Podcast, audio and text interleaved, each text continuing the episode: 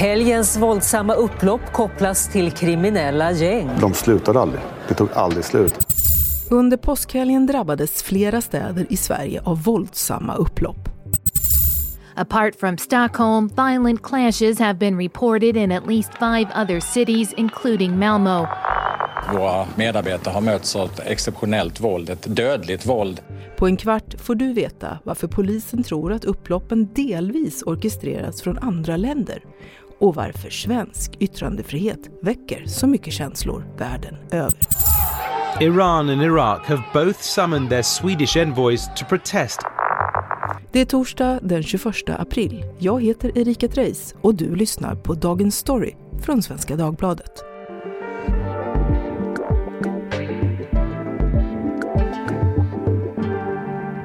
Välkomna Frida Svensson och Janni Sallinen. Båda två är ni grävande reportrar på SvD Nyheter och ni har tittat lite närmare på vad som egentligen har hänt. Och jag tänker att vi börjar med vad kände ni när ni såg de här bilderna från upploppen nu i påsk?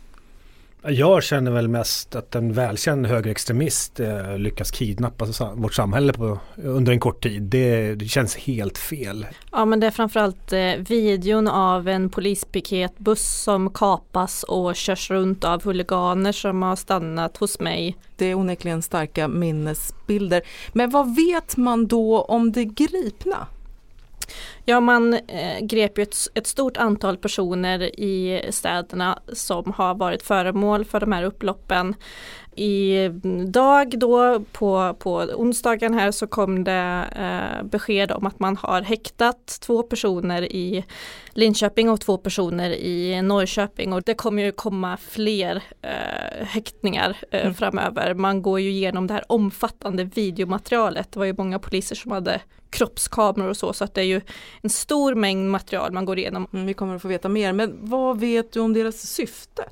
Det som vi får till oss från polisens allra högsta ort och de som var i frontlinjen är ju att eh, det är egentligen fel att kalla de här för motdemonstranter. Det är inga personer som har stått och ropat med några plakat utan det är personer som har haft eh, polisen som måltavla för de här våldsamheterna. Att eh, hatet och våldet har varit riktat mot polisen. Um, och vad det bottnar i och vad som var trigger här um, det, det är mångfacetterat skulle jag nog säga. Alltså, någonstans har ju också man har ju missbedömt att ta tempen på samhället. Man har ju inte sett, alltså den här graden av eh, våldsamheter, att man inte såg det här komma innan, det tyder också på att någonting är man, man, man gör grova felbedömningar förmodligen inom polisen. Om det sker lokalt eller nationellt vet jag inte men det är, det är ju en oerhörd nivå på det här. Mm. Man, man in, inför sådana här eh, eh, demonstrationer bland annat så finns det ju underrättelsematerial som man inhämtar både på nationellt plan och också eh, lokalt och som Jani är inne på så finns det ju skäl att se över vad visste man egentligen här och vad, vad var det som polisens internetspanare eh, inte såg och inte flaggade för. Det är säkert en fråga som kommer vara föremål för eh, intern granskning eh, vad det ger sig. Linköping, Norrköping, Rinkeby, Landskrona, Örebro och Malmö. Det ser ut som en krigszon, alltså, på riktigt. Man känner sig bedrövad. Jag var jätterädd idag. Jag har barn hemma som trodde att kriget från Ukraina hade kommit hit idag. Anledningen till att ilskna människor samlats är att den danske högerextremisten Rasmus Paludan beviljats tillstånd för att demonstrera och elda upp en koran. Dejligt. Man blir helt glad när man, øh, når man ser den här dumbog gå upp i rök. Men han behövde inte ens dyka upp innan kaos och upplopp var ett faktum och motdemonstranterna attackerade framförallt poliserna på plats. Och den här danske politikern då, Rasmus Paludan, han har ju varit i Sverige förut och då har det här passerat utan att det har blivit upplopp, i alla fall inte på den här nivån. Eh, vad är skillnaden nu skulle ni säga? Det här är ju lite en av gåtorna och det är väl kanske det som Frida är inne och, tittar på lite grann här nu. Och en ny dimension i hans eh, kampanj i Sverige är ju enligt polisen att det har funnits en extern påverkan. Det verkar inte vad jag bedömer ha varit, funnits förut på samma sätt, kanske på enstaka konton. Eh, så gåtan eh, består ju nu i att varken polisen eller Myndigheten för psykologiskt försvar vill säga någonting mer om det här. Man säger att det har skett och att det nästan är orsaken till att det blev så här våldsamt. Vi vet inte riktigt varför än. Vi ska höra här hur polisen själva kommenterar det. Vi har information om att det finns eh, människor eh, utanför Sveriges gränser som eh, har uppviglat till våld mot svensk polis eh, via sociala medier. Ja, det vi hörde var ju Jonas Hysing då som är nationell eh, kommenteringschef. Du har varit inne lite på det, men mm. vad vet du mer, Janni? Ja, det finns en del små saker att veta och jag pratade själv med Myndigheten för psykologiskt försvar, alltså MPF. Eh, de säger att det inte finns någon otillbörlig informationspåverkan mot Sverige. Otillbörlig här betyder alltså att eh, det handlar om att eh, då, då underblåser man hat och eh, så tvivel i samhället för att liksom, skapa kanske oro och mer våld. Det har inte skett säger MPF då. Ehm, de tog en jämförelse med LVU-protesterna som var i vintras. Vad är det? LVU, alltså lagen om vård av unga. Det var ju en sån, det var föräldrar som har blivit av med sina barn, fått dem omhändertagna enligt lag eh, och så fanns ett missnöje med det, förståeligt, och så sker det protester och det här underblåstes från då i vintras från en arabiskspråkig sajt. det var stort på, på, på liksom olika typer av medier? Ja, och det eldades under om man spred desinformation om de svenska lagarna om att, om att man kidnappar barn i Sverige. Alltså det eldade på helt enkelt och den nivån har det inte varit varit nu. Men det är här det här gåtfulla kommer in igen. Dagen efter mitt samtal med MPF, då säger Morgan Johansson nu att det har skett utländsk påverkan likt det som var LVU. Så då är frågan, vad sjutton är det som händer hos MPF tänker jag? Har de, alltså jag blir lite förbryllad här. Mm. Uh, vad, vad det är som, vilken information har de egentligen? Jag fick ringa till dem ett par gånger igår för att liksom dubbelkolla för att jag hade hört också att det hade varit utländsk påverkan. Polisen säger ju det. Mm, intressant, vad, vad säger du Frida om det?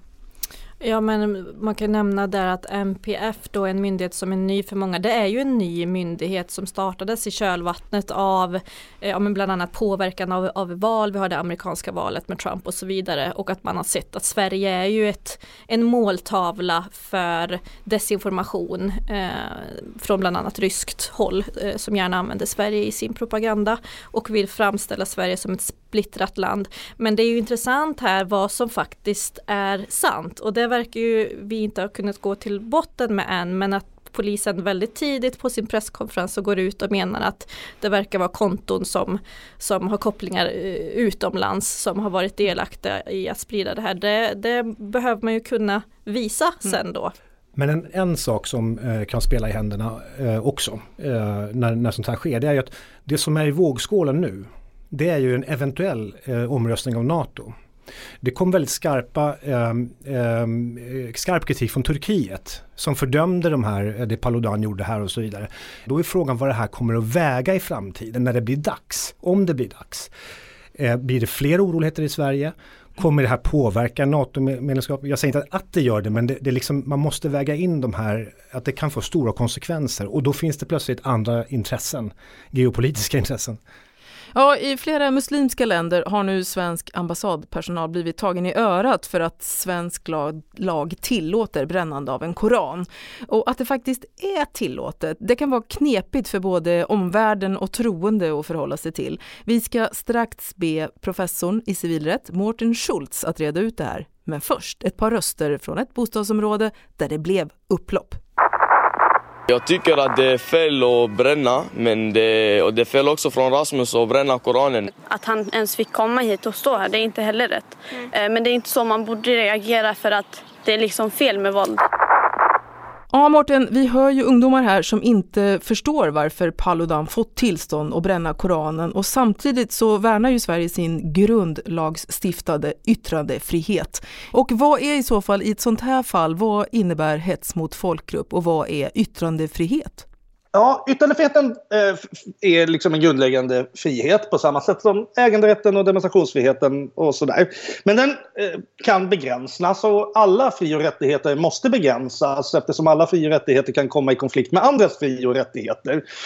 Och den diskussion som vi har nu om koranbränningen är ett ganska bra exempel på hur sådana här intressekonflikter kan dyka upp. Då. Eh, en inskränkning som vi har i svensk grundlag, det, eh, i, i svensk eh, straffrätt, i, det är hets mot folkgrupp och det, den finns också upptagen som ett eh, yttrandefrihetsbrott. Vilket innebär att eh, man kan till exempel bestraffa, sig en ansvarig utgivare för, som publicerar någonting som utgör hets mot folkgrupp. Hets mot folkgrupp är inte i första hand vad det låter som. Och det här är någonting som ofta brukar eh, leda till liksom konfliktytor i den allmänna debatten. För det viktigaste med hets mot folkgrupp, brottet är inte faktiskt hetsande mot en folkgrupp. Eh, det vill säga det som vi känner igen från Rwanda och, sånt. Eh, utan den typen av, när man driver en pöbel mot en folkgrupp för att den ska dödas och så, hanteras under andra allvarligare brott. Eh, till exempel uppvigling. Hets mot folkgrupp har istället sin huvud som huvudsyfte att kriminalisera uttryckande av missaktning mot vissa särskilda grupper.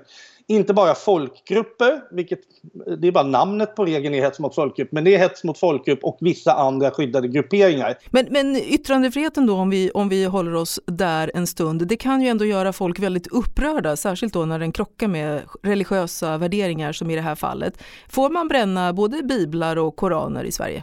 I princip ja. Eh, många rättsordningar innehåller ju regler om hädelseförbud. Det är vanligt, även i sådana länder som som vi ibland jämför oss med. Så inte bara i rättsordningar som präglas av religionen inifrån och ut utan också förhållandevis sekulära rättsordningar innehåller sådana förbud. Och det, det var inte så länge sedan som vi hade företrädare för, eh, ja, för Kristdemokraterna som motionerade om det här återkommande i riksdagen att man ville ha ett sådant förbud också i Sverige. Så det, det förekommer, men det har inte vi i Sverige. Utan där har vi hets mot folkgrupp är ju det brott som i första hand kan aktualiseras här då och det kriminaliserar inte att man uttrycker missaktning mot en religion. Man får vara, man får vara hatisk mot en religion i Sverige och man får uttrycka det på olika sätt. Det är, det är människor som skyddas, inte idéer eller, eller, eller, eller tron. Just det. För, för det här är också intressant för att det är ju en sak att det är lagligt att få göra en sak och det är ju inte alltid detsamma som att det är rimligt eller att man bör göra det. Det finns någon slags moralfråga här. Vad tänker du kring det? Man kan ju inte reducera allmänna värderingsfrågor eller moralfrågor eller hur vi beter oss mot varandra till en juridisk fråga. Då, då, då är man en fattig människa om man, om man tänker enbart i termer av juridik. Utan, eh, yttrandefriheten, det här är en sak som jag vet att vissa stör sig på att man säger men så menar jag väl ändå att det måste vara. Det, det är en fråga som måste hanteras med omdöme. Eh, behöv, men det behöver inte betyda att man alltid måste visa hänsyn. Nej, precis. Men, men den här gången så var det ju muslimer som blev arga. Men har yttrandefriheten krockat även med andra religioner? Jo då, det, det finns ju många eh, exempel. Vi har ju ett exempel som gick hela vägen till Högsta domstolen i Åke Gren-fallet om ni kommer ihåg det för ja, det är snart 20 år sedan, 17-18 år sedan. Där en pastor på Öland i, i, en predikan som han såg till att den skulle spridas med hjälp av medier kallade homosexuella för en cancersvulst eller någonting sånt där. Där var ju fokus mot just homosexuella Eh, så inte homosexualitet utan mot människor som var, som var homosexuella. Och det gick upp till Högsta domstolen och, och HD kan man väl säga sa ungefär att ja, enligt svensk rätt så är nog det här hets mot folkgrupp men med stöd av religionsfriheten som den kommer till uttryck i Europakonventionen så boostades Åke Grens yttrandefrihet kan man säga och därmed så friades han. Så det, det, sådana konflikter har ju förekommit tidigare. Eh, sen så har vi ju Ecce Homo-utställningen och, och, och, och, lite andra sådana liksom kända fall. Mm. Kan det vara så att vi inte tål vår egen yttrandefrihet längre? Det där är en bra fråga Erika. så är det ju många gånger. Eh, det, det är när man... För det är ju sådana här fall som man, liksom ens commitment för yttrandefriheten verkligen prövas. Eh, när, det, när det verkligen... Det, det, är ju liksom... Det är barnpornografi, det är vit maktmusik. Det, det, och, för, och för många muslimer så är det här ett yttrande som nog kan mäta sig med vad många som hör till det mainstream-samhället i Sverige tycker om, om barnpornografi, nämligen det allra värsta som kan ske nästan. Eh, så är det nog. När, använder man yttrandefriheten i sin fulla vidd så kommer det uppkomma situationer när den kommer att uppfattas som, som kränkande eller farlig eller obehaglig. Och, det, det, är väl liksom, det är väl en produkt av det system vi har. Tack Mårten. Tack. Och Janni, kort bara, finns det någon som vinner något på de här upploppen? Jag skulle nog kanske säga att det finns en viss skadeglädje i nuläget i, i Ryssland faktiskt. Och det här är, jag pratade även med FOI igår, en, eh, Ola Svenonius, och det här den här typen av social oro händelse i Sverige är ju liksom, passar ju den ryska propagandan väldigt bra. För där driver man ju det att Sverige är ett fallerat land med multikulturalism och allt. Alltså, det är någonting dåligt säger man ju där då i sina propagandakanaler. Så att det här händer, säger han då, det kommer komma som ett brev på posten. Det kommer att användas i rysk propaganda. Jag gjorde själv en rundkoll lite på de här propagandakanalerna. Inte de kända utan det finns massa andra tankesmedjor och sånt. Där har det inte poppat upp igen utan det är Ukraina som dominerar. Mm. Frida? Jag har i nuläget väldigt svårt att se vinnare. Jag ser stora förlorare. Jag ser att de här våldsverkarna gick rakt in i den här högerextrema fällan som gillrades. Eh, och att det drog så långt att det handlade eh, om liv och död till slut. Så jag ser bara förlorare. Tack Janni Salinen och Frida Svensson för att ni kom till Dagens Story. Tack. Tack så mycket. Vi som gjorde programmet idag är producent Elin Romiliotto, redaktör Teresa Sterner från Matern och jag heter Erika Treis. Ljudklippen idag kom från SVT, Sveriges Radio, TV4, Euronews och France 24.